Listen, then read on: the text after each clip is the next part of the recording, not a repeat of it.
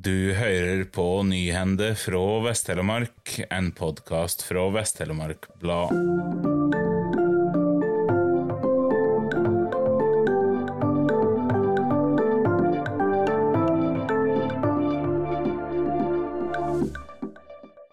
Mellom klokka 10 og 14 søndag hadde UP promillekontroll på Treongveggen.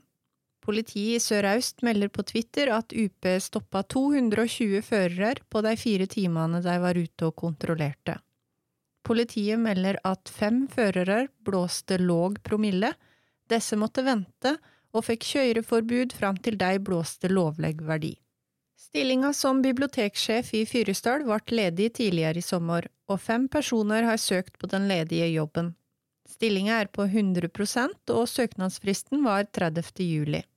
De som har søkt på stillinga, er Kari Kristina Eidam, 47 år, assistent på SFO fra Fyresdal, Eva Kleppe, 32 år, fra Sveio, Kasper Veien, 55 år, fra Åmli, Siv Beate Evju, 45 år, tilkallingsvikar fra Bø i Telemark, og Heidi Berg Bentele, 53 år, og spesialbibliotekar fra Oslo. I helga har det vært både Treungfestival og Morgedalfestivalen. Natt til lørdag kunne politiet melde om 5000 festivalgjester som oppførte seg fint i Treungen. I Morgedal trassa om lag 200 gjester kraftige regnbyger lørdag kveld og kosa seg på dansegulvet.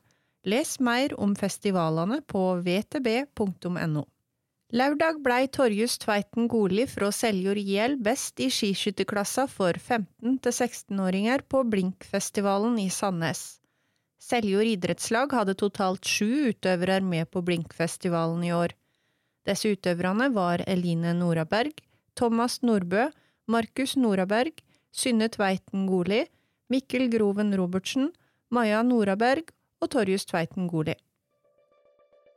Tusen takk for at du hørte på. Denne sendinga var produsert og presentert av Tone Tveit for Vest-Telemark Blad.